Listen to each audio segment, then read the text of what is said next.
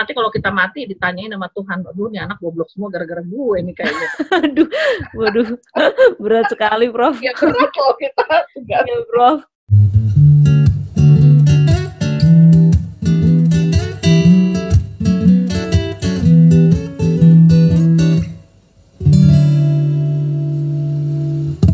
Kemudian terkait kesehatan di Indonesia saat ini, Prof. Kalau menurut Prof sendiri, layanan kesehatan di kita saat ini apakah sudah jauh cukup baik dibandingkan dulu waktu zaman Prof?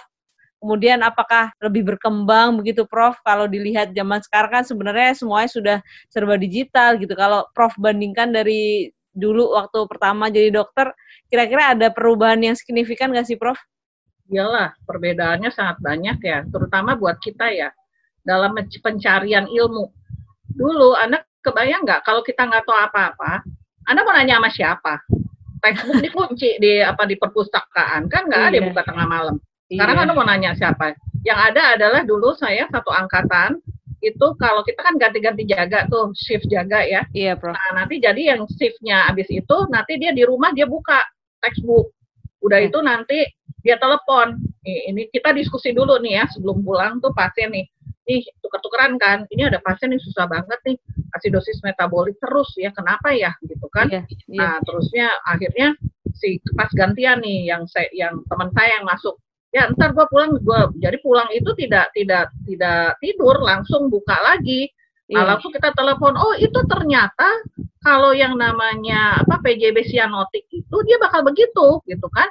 Pasti ininya tinggi, apa namanya hematokritnya tinggi, namanya polisitemia, gitu kan? Yeah. Jadi yang mesti diatasi cairan jangan jangan lo boleh kurang dan sebagainya. Jadi kita udah instruksi dari dari rumah. Uh, okay. Karena kalau sekarang kan kita tinggal buka ya, tek tek tek tek, yeah. tek selesai. Nah itu tapi seharusnya itu juga diikuti dengan si dokternya kepengen mengerjakan itu. Dulu kan Baik. kita nggak punya, tapi kalau ya. dok punya alat canggih semua di sekitarnya, tapi kalau nggak kepengen menggunakan, ya nggak ada gunanya juga tuh alat canggih kan? Ya. Iya, Prof. Betul, nah, Prof. Terus itu satu. Terus yang kedua adalah kita melihat bahwa sekarang permasalahan itu kan semakin besar ya, terutama sekarang dengan adanya globalisasi. Kita kan mesti nyiapin tuh anak-anak kita supaya bisa bersaing. Kalau enggak nanti negara orang bisa masuk kerja di Indonesia kalau dia kualitasnya nggak sama kita kalah deh bersaing iya, kan betul, nah bro. jadi artinya apa jadi masalahnya kita harus mempersiapkan si anak-anak kita bukan itunya aja saya selalu bilang itu kalau yang namanya otak itu hardware kalau yang stimulasi adalah softwarenya. Kalau hardwarenya Pentium 7 kan ya mau dikasih software apa aja juga oke okay, gitu kan. Tapi kalau iya. hardwarenya cuman yang uh, apa namanya kayak komputer yang lama-lama itu ya susah kan kita mau dipakai software nggak bisa. Nggak nggak adekuat itulah istilahnya. Iya, nah kan. ternyata banyak sekali hambatannya. Hambatannya apa? Satu stunting tinggi banget tinggi banget kan kita iya, kan Prof. Nah, stunting itu bagaimana kita tahu? Kita nggak kita menggunakan grafik yang sudah di internationally dipakai, ya kita nggak punya grafik kita sendiri. Tapi kalau kita lihat pengambilan sampelnya itu dari enam benua, kita tidak perlu harus menghabiskan. Oh itu kan dananya besar sekali. Kita pernah di kita tuh ditawari loh ikut karena kita termasuk bangsa besar ya. Cina juga. Nah kita tidak mau. Kenapa? Karena kita harus bayar kalau kita ikut. Harus oh, membayari okay. sebagian waktu itu.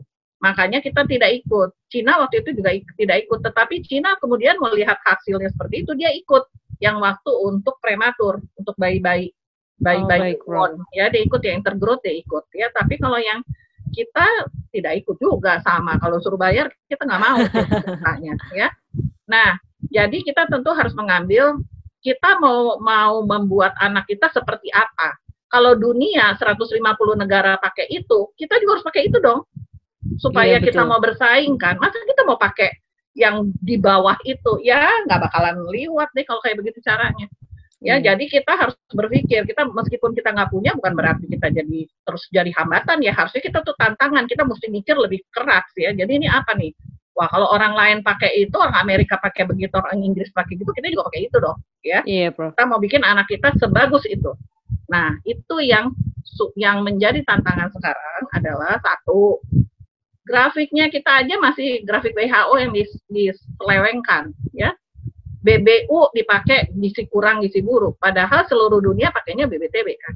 Iya betul. Nah itu memperjuangkan itu supaya berubah jadi BBU dan BBTB itu saya lima tahun 2015 itu suruh suruh apa suruh pegang itu ya untuk antropometri jadi ketua Pokja untuk anak tahun 2017 16 selesai 17 itu jadi uh, Permenkesnya di DEP nggak ditanda tanganin sampai tahun 2020 baru keluar wow. jadi sekarang baru bayangin itu perjuangan setengah mati Nah, sekarang terus lagi, kita berharapan sekarang sebagai dokter anak, kita tahu anak-anak yang alergi banyak nggak ketahuan. Kalaupun ketahuan, dikasihnya cuma soya yang juga bukan buat alergi.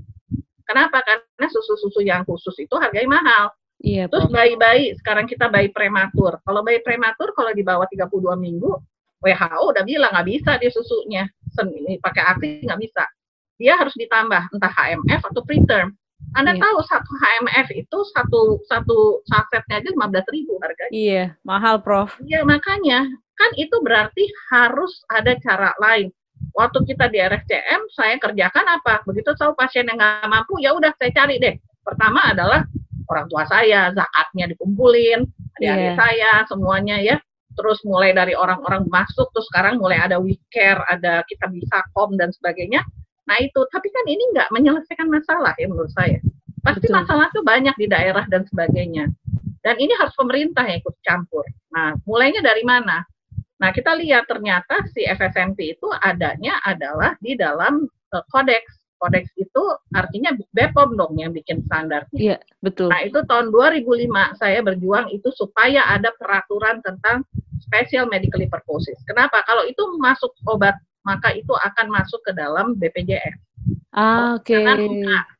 Kalau makanan enggak. Jadi kalau sekarang belum ya, Prof berarti? Belum, belum. Jadinya kita udah pokoknya itu berjuang sekarang tahun baru setelah berapa tuh dari tahun 2005 sampai 2018 barulah keluar peraturan BPOM bahwa itu adalah spesial medically purpose yang harus diresepkan dokter dan supervisi oleh dokter keluar nih ya. Okay, nah, sesudah yeah. itu diambil sama Depkes, dibikin naskah ilmiah, terus diajukan ke Fornas supaya bisa dianggap sebagai obat. Ternyata belum bisa diterima karena harus bikin HTA. Nah, tapi anak stunting kita kan udah demikian banyaknya. Yeah. Jadi akhirnya saya waktu itu dipanggil sama Dirjen, gimana menurut Dokter Damayanti? Kalau saya bilang, Ibu, kalau Ibu mau menyelamatkan, ini kontribusinya yang namanya prematur itu 20% loh buat stunting. Pak yeah. Jokowi kan minta turunin cepet ya saya bilang kan. Betul, Bagaimana caranya? Ya kalau kalau mau ya si prematur prematur yang very prematur dengan very very apa low birth weight ini hmm. yang kita mesti kerjakan dulu dengan spesial medically purpose. Nah kemudian apalagi alergi juga nyumbangnya ternyata cukup banyak loh. Kalau anak alergi itu meskipun cuma 26 persen, tapi dia 20 persen bisa menjadi stunting. Belum lagi kalau kelainan metabolik bawaan, bukan hanya stunting, dia mah kalian ikutan nyawanya melayang juga kalau nggak dikasih kan dan Betul, harga susunya mahal. Nah, terusnya akhir terus bagaimana yang gizi-gizi gizi-gizi kurang, gizi buruk, uh, failure to thrive yang dengan ada malabsorpsi, ada macam-macam. Itu juga dia perlu. Nah, akhirnya bilangnya sudah dok, saya kasih empat, dokter bikin, terus nanti kita bikin permenkes. Akhirnya keluar tuh permenkes tahun 29.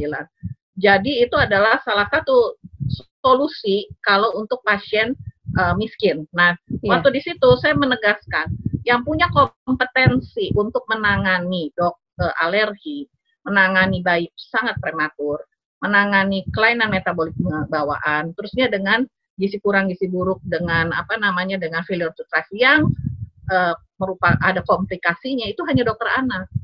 Jadi supaya obat itu apa si susu tadi itu kan mahal ya supaya yeah, terkontrol maka harus dokter anak yang meresep kalau misalnya dokter lain mau ngeresepin ya boleh aja tapi dia bukan masuk ke dalam program yang untuk orang miskin. Kalau enggak negara kita ikutan miskin dong nanti. Iya betul. yang tidak pada tempatnya ya. Nah yeah. itulah yang kita perjuangkan Artinya sekarang tugas kita sebagai dokter anak, saya bilang kitanya apa? Tentu berdasarkan kalau spesialis lain tentu beda ya. Kalau yang kita karena uh, Sheila juga dokter anak, jadi saya hanya menekankan bahwa tugas kita itu adalah mengoptimalkan tumbuh kembang setiap anak di Indonesia ini iya, supaya yeah, mereka yeah. menjadi potensinya yang terbaik ya. Nah, bagaimana kalau dia sakit ya kita kalau miskin nggak fair ya kalau orang miskin anak karena bapaknya miskin dia nggak bisa dapat pengobatan kan katanya yeah, health for betul. all Betul. Kalau health for all artinya ada orang yang mesti dibantu. Iya. Karena kalau kita mau mengentaskan kemiskinan, maka nomor satu adalah sekolah yang bisa menarik dia dari kemiskinan. Nah, bagaimana anak itu bisa sekolah kalau otaknya nggak pinter, gitu kan? Iya, nah, itu yang kita tugas kita membuat mereka semua selamat dari stunting, selamat dari gizi buruk, jadi otaknya terpelihara dengan baik, dan insya Allah kita bisa menghasilkan generasi muda yang dicita-citakan ya semua orang ya generasi muda yang generasi alfa milenial namanya kan yang yeah. generasi emas. Generasi ya. emas, Prof. Iya. Nah. Jadi uh, itu ya, Prof. sangat penting nutrisi di awal pertumbuhan hidup dan ya. itu pun tidak bisa hanya orang tuanya yang di ini ya Prof ya yang diminta ayo diberikan uh, susu yang cukup tapi juga kita, sebagai uh, pemerintah juga harus turut membantu apabila tidak bisa memenuhi kebutuhan ya, Prof ya. ya. Dan itu juga kita juga harus membantu dengan cara apa? Kan supaya itu kan dananya besar, supaya yeah. kita nggak kebanyakan utang. Jadi kita adalah petugas kita dokter anak di situ yang menyeleksi apakah betul alergi. Jangan cuma merah-merah aja dikasih seperti itu, ya. Yeah, apakah betul-betul dia asinya tidak cukup sehingga perlu pakai HMF. Nah, itu kan yang bisa menyeleksi cuma kita. Iya. Ya, nah di situlah. Jadi kita ingin semua dokter anak, saya selama ini saya keliling ke mana-mana saya mengajari mereka supaya mereka menguasai betul bagaimana membuat anak-anak itu menjadi lolos uh, dengan gemilang ya istilahnya dari seribu hari pertama. Ya. Iya, iya, Prof. Jadi itu yang sangat penting ya, Prof ya, karena apa yang kita kerjakan di awal nanti akan menentukan seperti apa generasi kita di masa depan ya, Prof. Ya, betul. Berat loh ya. iya, bilangnya Prof. mikir nanti kalau kita mati ditanyain sama Tuhan, aduh nih anak goblok semua gara-gara gue ini kayaknya. aduh, waduh, berat sekali, Prof. Ya berat loh kita. Iya, Prof.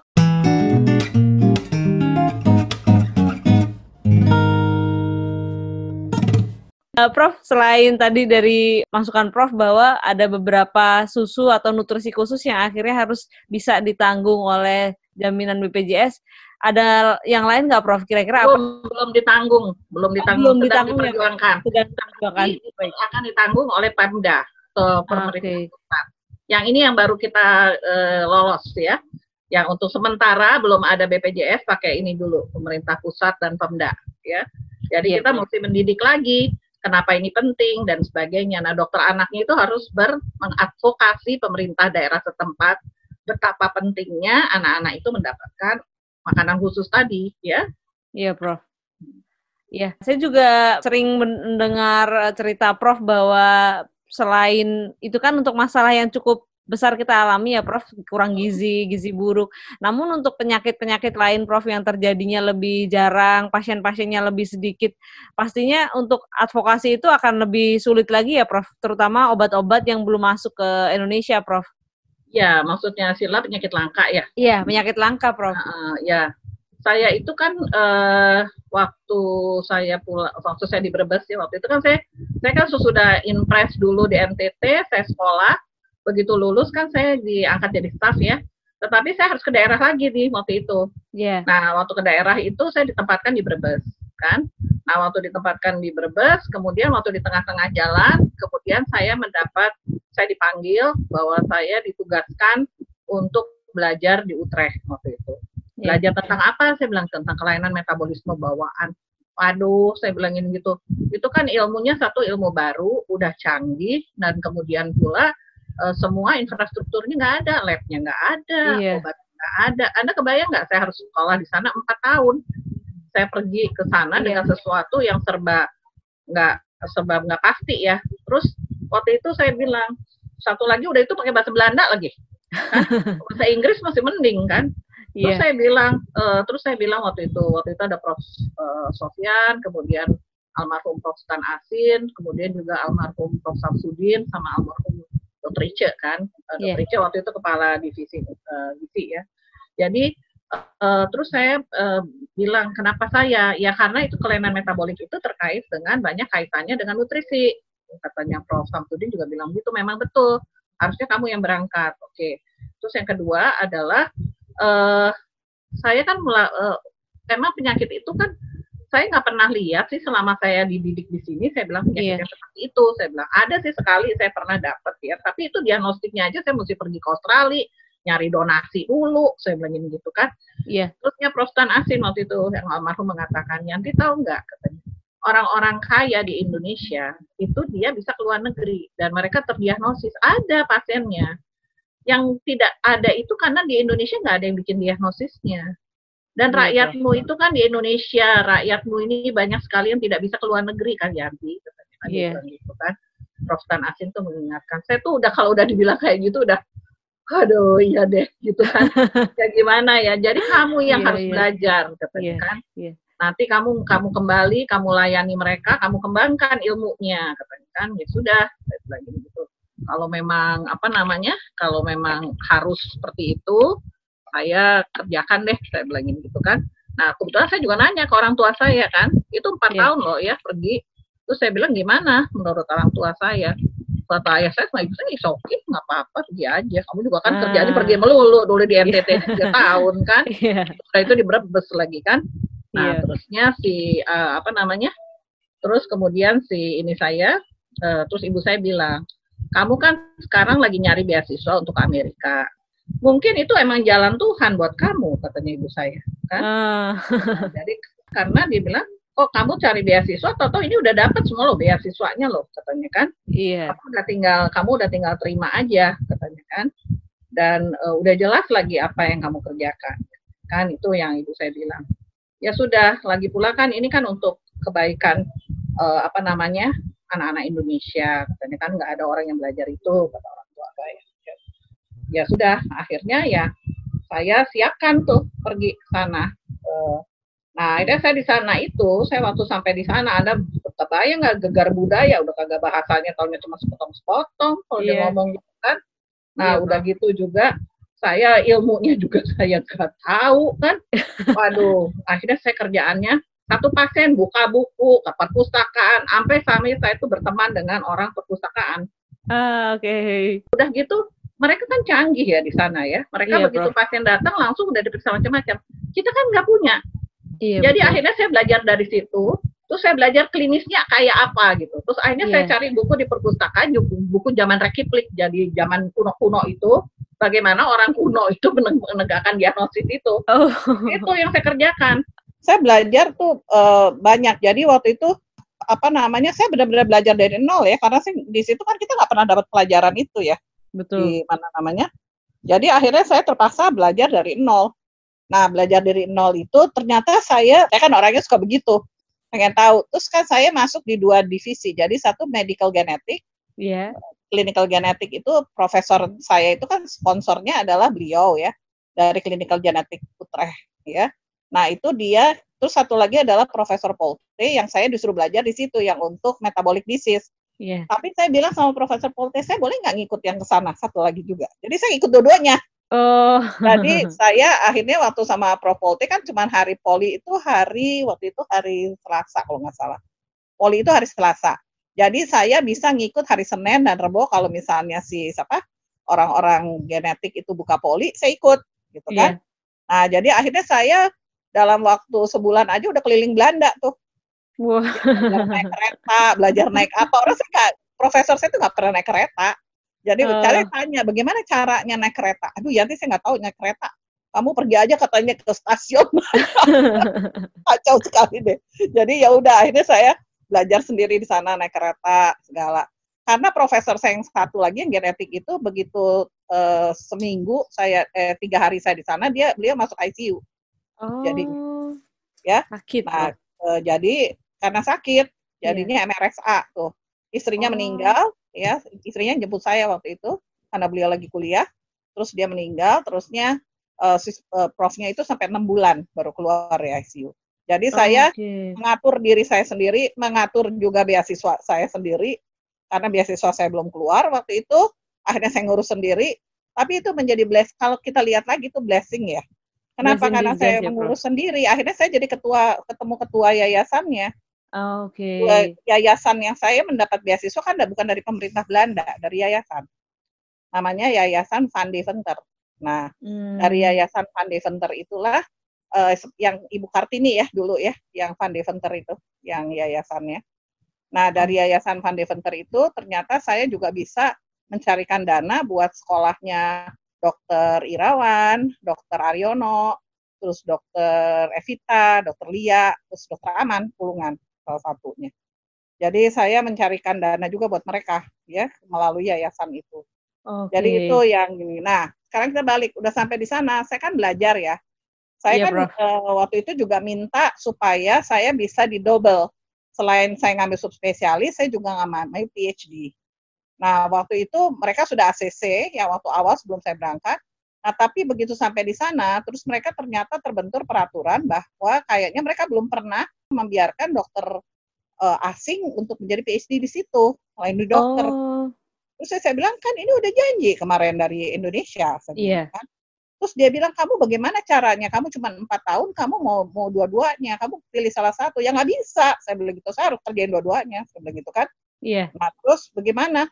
Ya sekarang saya kan beda sama kalian ya. Kalian kan di sini tinggal, di sini keluarga, di sini. Saya kan enggak. Jadi saya Sabtu Minggu pun saya bisa kerja, saya bilangin gitu kan. Nah, iya, saya bilang gitu sama mereka, mereka udah bingung aja ngeliat saya. Kan. ya, terus akhirnya mereka rapat-rapatin lagi, akhirnya mereka gini deh, Yanti katanya kita kasih deh kita kasih kita lihat kamu aja. Kamu sanggup apa tidak katanya. Karena orang Belanda tidak ada yang sanggup. Mereka kerja itu 8 tahun. Kan? Ya sudah, akhirnya saya kerjakan itu.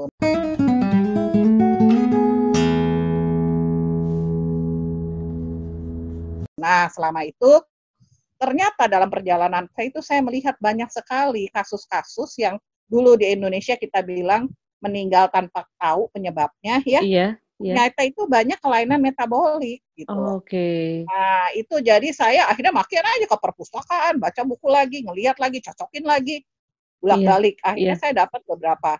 Nah sekembalinya saya dari Indonesia, anda tahu nggak? Hari pertama saya di poli udah ketemu kelainan metabolik pertama. Wah. Oh. Terus saya mikir kok jadi banyak banget ya kayak begini. Cuman saya kan waktu itu pusing mau diagnosis gimana. Iya betul. Akhirnya kita mesti ngirim. Kalau ke Eropa jauh akhirnya saya cari-cari Australia. Akhirnya mulailah pertama saya ngirim pasien dapat di Australia itu semua pasien lisosomal saya terdiagnosis dari Australia. Ya, terus mulai. Nah, kemudian makin makin banyak kan.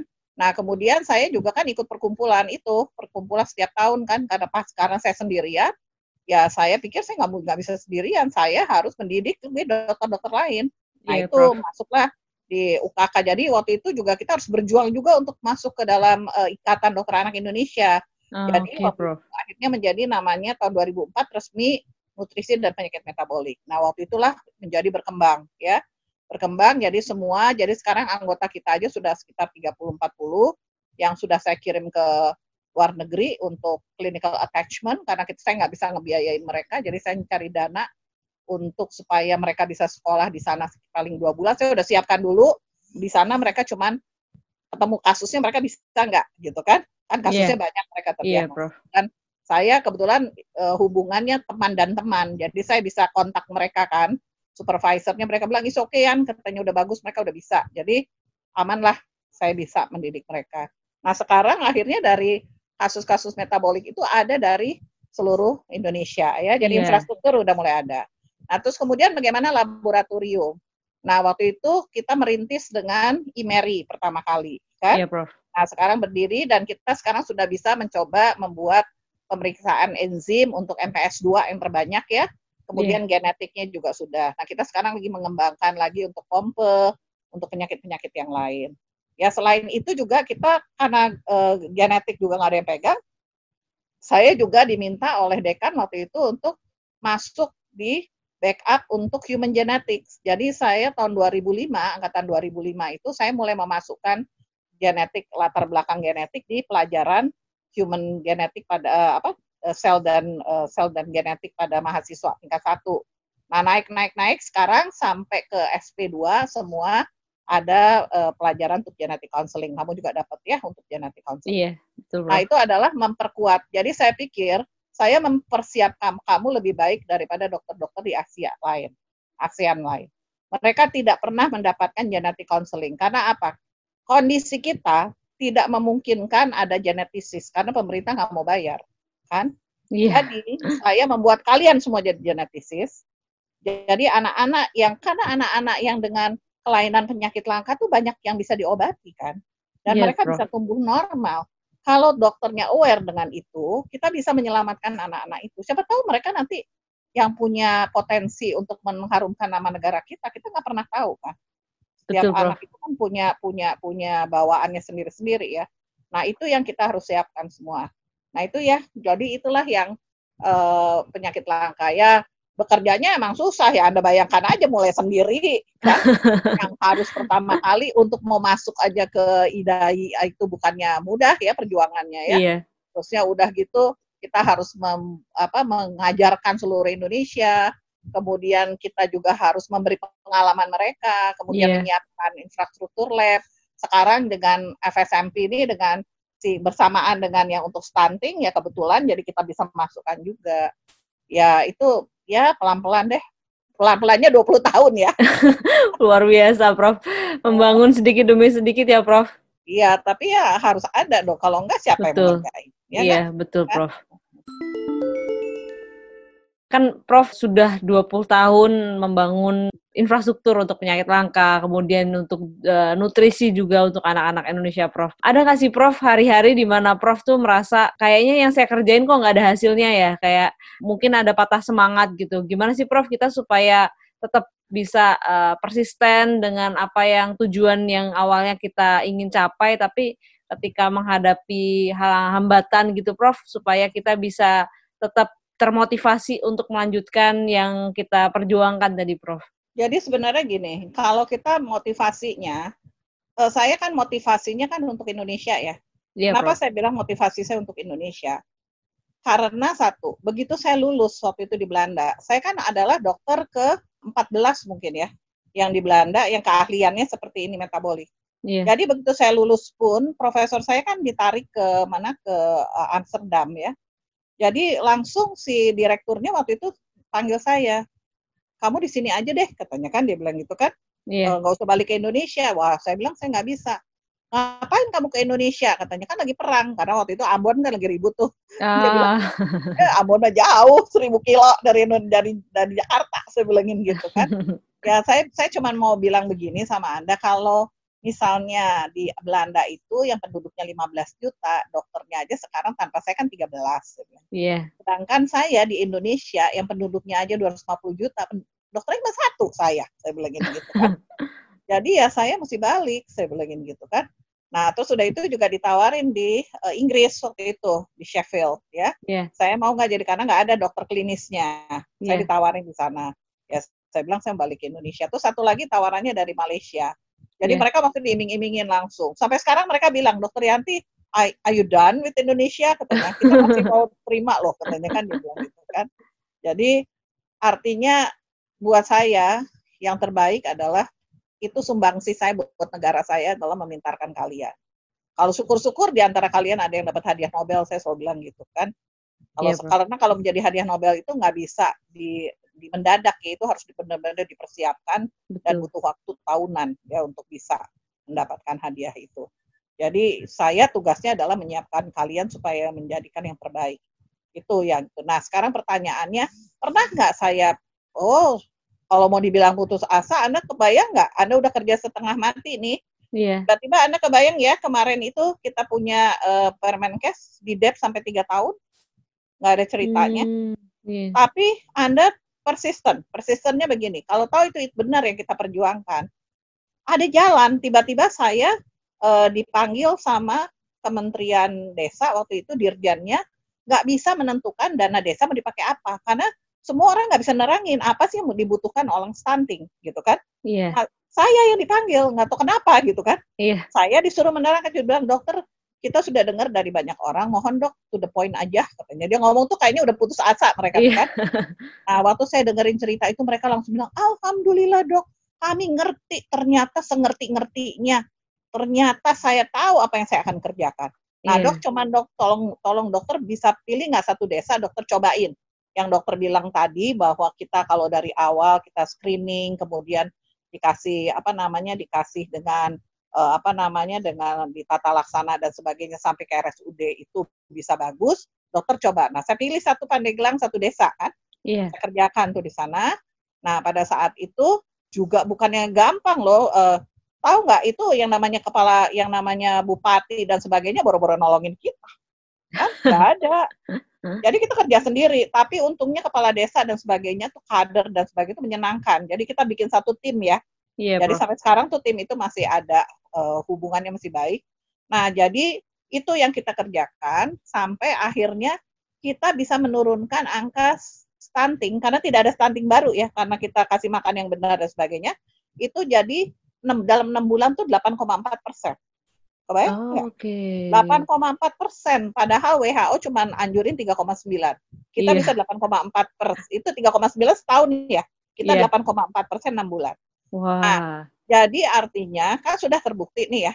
Nah itu dengan itu saya dibawa-bawa nih salah satu dibawalah ke pejabat-pejabat nih, dibawalah ke apa Bapenas. Terus mereka bilang, loh dok itu memangnya harus diukur, emang harusnya beda-beda? Iyalah pak, saya bilang gitu. Saya baru tahu dok katanya. Ya bapak kalau nanya sama orang yang tahu nanganin, saya bilang gitu. Iya. Nanya sama orang yang nanganin. Akhirnya terus terus gimana? Ya bapak gimana mau maju orang eh, apa namanya Permenkesnya aja nggak nyuruh orang ngukur, kok bisa katanya? Iya. Ya kita punya Permenkes sudah tiga tahun nggak ditandatanganin. Waduh, sama dia langsung gad, itu bisa saya bantu dokter katanya. Langsung dia telepon sana sini sana sini. Akhirnya tahun 2020 keluar ditandatangani. Wah. Nah, yang itu ya kan. Sometimes you have to be patient. Tapi bukan patient diem aja pasrah gitu kan. Patient itu bagaimana caranya kita mencapai itu dengan jalan yang lain. Itu loh Sheila. Iya, Kalau kita tahu tujuan kita baik, kita pasti akan perjuangkan. Ya, Iya, Prof. atau kita mesti diam-diam dulu apa yang salah ya dari ini kita kok banyak hambatannya misalnya kan. Iya, Prof. Kalau kita memang sudah kepingin itu ya kita mesti perjuangkan itu aja. Hmm, baik, siap, Prof. Ya. Jangan Baik. pikir saya tidak banyak hambatannya banyak. Baik, Prof. Siap, Prof. Wah, ya, ya banyak sekali Prof yang bisa kita pelajari dari cerita Prof. eh, semuanya yang menginspirasi dan bagaimana kita bisa terus biar semangat Prof mengerjakan apa yang kita cita-citakan dan kalau kita yakin itu baik berarti kita harus terus semangat dan tidak boleh eh, asa. gampang menyerah dan putus asa ya Prof ya. Ya cari jalan lain gitu Cari kan. jalan lain ya Cari Prof. lain Baik. bagaimana caranya bisa mencapai itu dan kita juga bisa mundur sedikit untuk menganalisis apa yang salah gitu kan. Iya, iya, Kan, betul Prof. ya.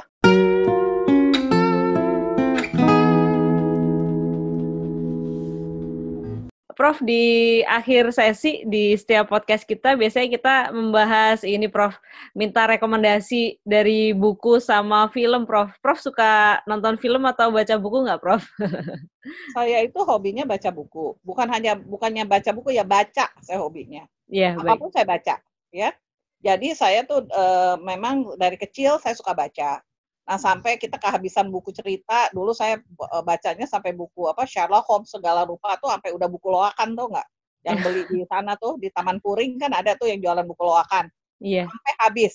Sampai terus dilihat tuh penerbitnya mana saya cari ke masih ada. Pokoknya udah mabok deh. Sampai akhirnya gara-gara udah nggak ada lagi tuh saya akhirnya beralih lah ke buku bahasa Inggris. Dulu Mills and Boon ya gampang ya nah Iya. saya ikut baca Mills Boon dulu tuh anak SMP bacaannya buku bahasa Inggris itu ayah saya kan memang hobinya baca jadi Iya. beli buku dan sebagainya jadi itu sampai langganannya ayah saya bilang itu anaknya bener tuh masih sekecil itu ya udah bahasa Inggris ya itu lihat aja dia baca sendiri apa katanya kan nah itu jadi akhirnya saya mulai berkembang berkembang saya suka baca tetapi akhirnya pada akhir-akhir ini saya beli buku banyak yang nggak bisa dibaca Kenapa karena Prof? pekerjaan saya kenapa saya harus ngajar kalian kan saya harus buka buku lagi Iya menyiapkan betul. dan saya kan bosen ya saya tuh kalau saya kalau mau mengajar saya harus buka lagi kuliah saya dan saya lihat apakah ada yang baru Hmm, makanya betul, kalau kamu perhatiin pasti kalau setiap kali saya mengajar ada something yang new gitu kan Iya, Prof. karena saya sendiri juga bosen kalau itu itu lagi gitu kan Iya. supaya saya nggak bosen kalau saya bosen bayangin udah ngajarin kamunya juga males kan? Jadi supaya nggak bosen jadi saya harus buka lagi oh ternyata ada something new yang saya mau sharing sama kamu. Iya. nah itu akhirnya saya sekarang kesibukan cuman buku buka-buka buku textbook dan sebagainya. Nah kalau film saya suka nonton film ya. Saya suka nonton film dan satu lagi saya juga suka traveling dan saya suka sejarah. Saya kalau pergi ke mana saja, saya selalu baca dulu di tempat itu ada daerah yang memang harus dilihat nggak, gitu kan? Okay. Entah dia itu suatu museum, entah dia itu suatu bangunan, atau satu daerah yang dikonserv oleh WHO, nah itu saya akan usahakan datang ke sana. Ya, itu satu lagi juga saya seneng nyicipin makanan lokal, gitu. Oh. meskipun gak enak. Pokoknya udah pernah nyobain. Udah gitu pernah kan. nyobain ya, Prof. Iya. Nah itu ya, itu yang membuat saya rasa kita mengerti orang ya. Jadi belajar dari budayanya, kita datang ke sana, terusnya kita juga belajar apa sih sejarahnya. Jadi waktu kita pernah ke kota itu, kita pernah tahu, kita mencerita, oh di sana mereka pakai bahasa ini, mereka begini, mereka begitu. Nah itu menarik sekali buat saya. Iya, ya. iya Prof. Ya, that's, that's it. Itu yang bikin kita relax sebenarnya. Iya, Prof. Ya, kalau yeah. kita jalan. Ya, sekarang cuma susahnya ya, lagi COVID ini, kita harus Gak di rumah bisa. terus. Iya, betul. Lewat Zoom aja, Prof, ke mana-mana, Prof. Uh, uh, iya. Uh, Prof, kalau boleh diingat, Prof, dari zaman dulu sampai sekarang, ada nggak buku yang paling berkesan, Prof? Uh, mungkin uh, yang paling favorit, Prof, dari zaman dulu sampai sekarang, Prof? Apa ya buku yang paling favorit ya? Saya tuh suka suka buku-buku buku-buku sejarah ya, saya suka ya. Uh, saya cuma satu deh, saya film favorit aja deh, saya bilang A gitu. Apa ya. tuh, Prof? buka ya little bit banyak. Anda tahu Janggem nggak?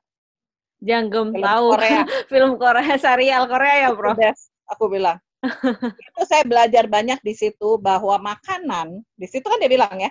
makanan yeah. itu adalah obat itu dia ngajarin nutrigenomik Janggem itu dan itu adalah uh, nenek moyang kita kalau lihat ya uh, sejarah Cina sejarah dari makanannya kimchi dan sebagainya waktu saya ke, ke Korea tuh saya nonton tuh bagaimana dia membuat suatu research membandingkan kimchi dari tanaman tertentu dibandingkan dengan simvastatin untuk nurunin kolesterol. Ah. Bayang nggak? Ternyata itu si si kimchinya itu lebih bagus daripada simvastatin. Nggak ada efek samping lagi. Kan? Wah. Kan? Nah, jadi kan itu artinya kita punya banyak sekali di Indonesia kan ya, makanan bumbu-bumbu dan sebagainya. Kita nggak pernah tahu nenek moyang kita nyampur-nyampur nyampur-nyampur gitu aja kan. Makannya enak aja kok. Iya. Nggak tahunya mungkin dia punya khasiat. Gitu. Betul, betul bro. Nah, jadi saya pikir itu yang paling saya ingat sampai sekarang itu adalah Janggep. Selain si satu lagi juga yang menginspirasi saya itu filmnya si uh, uh, apa namanya yang Lorenzo Oil. Tapi waktu itu belum difilmin, masih di film TV. Bagaimana perjuangan si keluarga Odone untuk untuk dapat obat itu ya untuk kelainan iya. metabolik. Yeah. Nah yeah, itu bro. juga itu adalah salah satu menginspirasi dan salah satu juga yang menyebabkan saya tertarik masuk ke divisi nutrisi ini. Dan kebetulan kenapa jalannya saya kok jadi metabolik juga saya pelajarin. Akhirnya jadi itu deh kejadian jadi jadi. Ya. uh, jadi yeah, that, uh, apa namanya itu yang saya saya suka bahwa kita dengan cara yang sederhana dengan cara yang sehari-hari tapi dengan pendalaman keilmuan yang tinggi kita tahu bahwa sebenarnya saya belajar sih sebenarnya dari genetik ternyata kalau kita makin belajar makin dalam di situ kita makin tahu ternyata tata laksana suatu penyakit itu bisa sederhana. Oh, ya, okay. kalau saya waktu kemarin belajar glycerol-kinase deficiency itu ada kelainan anaknya koma karena defisiensi enzim. Ternyata waktu saya pelajari dia itu hanya berbahaya sampai usia remaja. Begitu dia sudah remaja, maka si enzim itu fungsinya menjadi kecil, jadi tidak okay. penting lagi. Nah, ah. Nah, kalau kita bisa jaga dia sampai usia remaja, anaknya akan bagus selanjutnya. Nah, jadi ada orang mau udah transplantasi ya ngapain transplantasi? Kita kasih makan aja dan kita kasih makannya itu dengan setiap tiga jam untuk mencegah gluconeogenesis. Iya. Yeah. Bagus. Dan itu dibuktikan. Jadi yang membuktikan karena saya sudah pulang ke Indonesia, saya bikin teori itu teman saya yang di Swedia bikin dibandingin yeah. pasien dan terbukti ternyata. Jadi kalau kita kasih dengan frequent uh, small frequent orangnya nggak apa-apa nanti begitu sampai remaja dia kita bebas Hmm. jadi kan simple ya. Iya, Prof. Ternyata kalau kita sampai tahu sampai molekuler, ternyata kita bisa mendapatkan bahwa tata laksananya sederhana. Itu ada yang itu adalah satu yang saya pelajari uh, banyak dari apa namanya kita mempelajari penyakit langka, malah kita justru bisa mengaplikasikannya ke penyakit-penyakit yang umum. Ya. Dan dengan cara yang sederhana ya, Prof ya. Iya, betul, ya. Nggak Baik, mahal. Prof. ya. Baik. Terima kasih banyak, Prof. Eh, sudah banyak sekali ilmu yang diberikan untuk hari ini, pengalaman-pengalaman Prof yang luar biasa. Semoga kita bisa terus meneladani dan bisa terus eh, memberikan inspirasi untuk kita, Prof, biar terus semangat, Prof. Iya, terima kasih. Ya. Jangan lupa, kalau kalian suka dengan episode podcast ini, follow podcast kita dan share ke teman-teman kalian yang lain supaya mereka juga bisa mendapatkan manfaat seperti yang kalian juga dapatkan. Jangan lupa juga untuk follow Twitter saya @oxfara. Di situ kalian bisa mendapatkan banyak info kesehatan dan juga update setiap episode barunya Relatif Perspektif Podcast. Di Instagram kita juga ada di relatif.perspektif. Sampai ketemu di episode selanjutnya. Bye.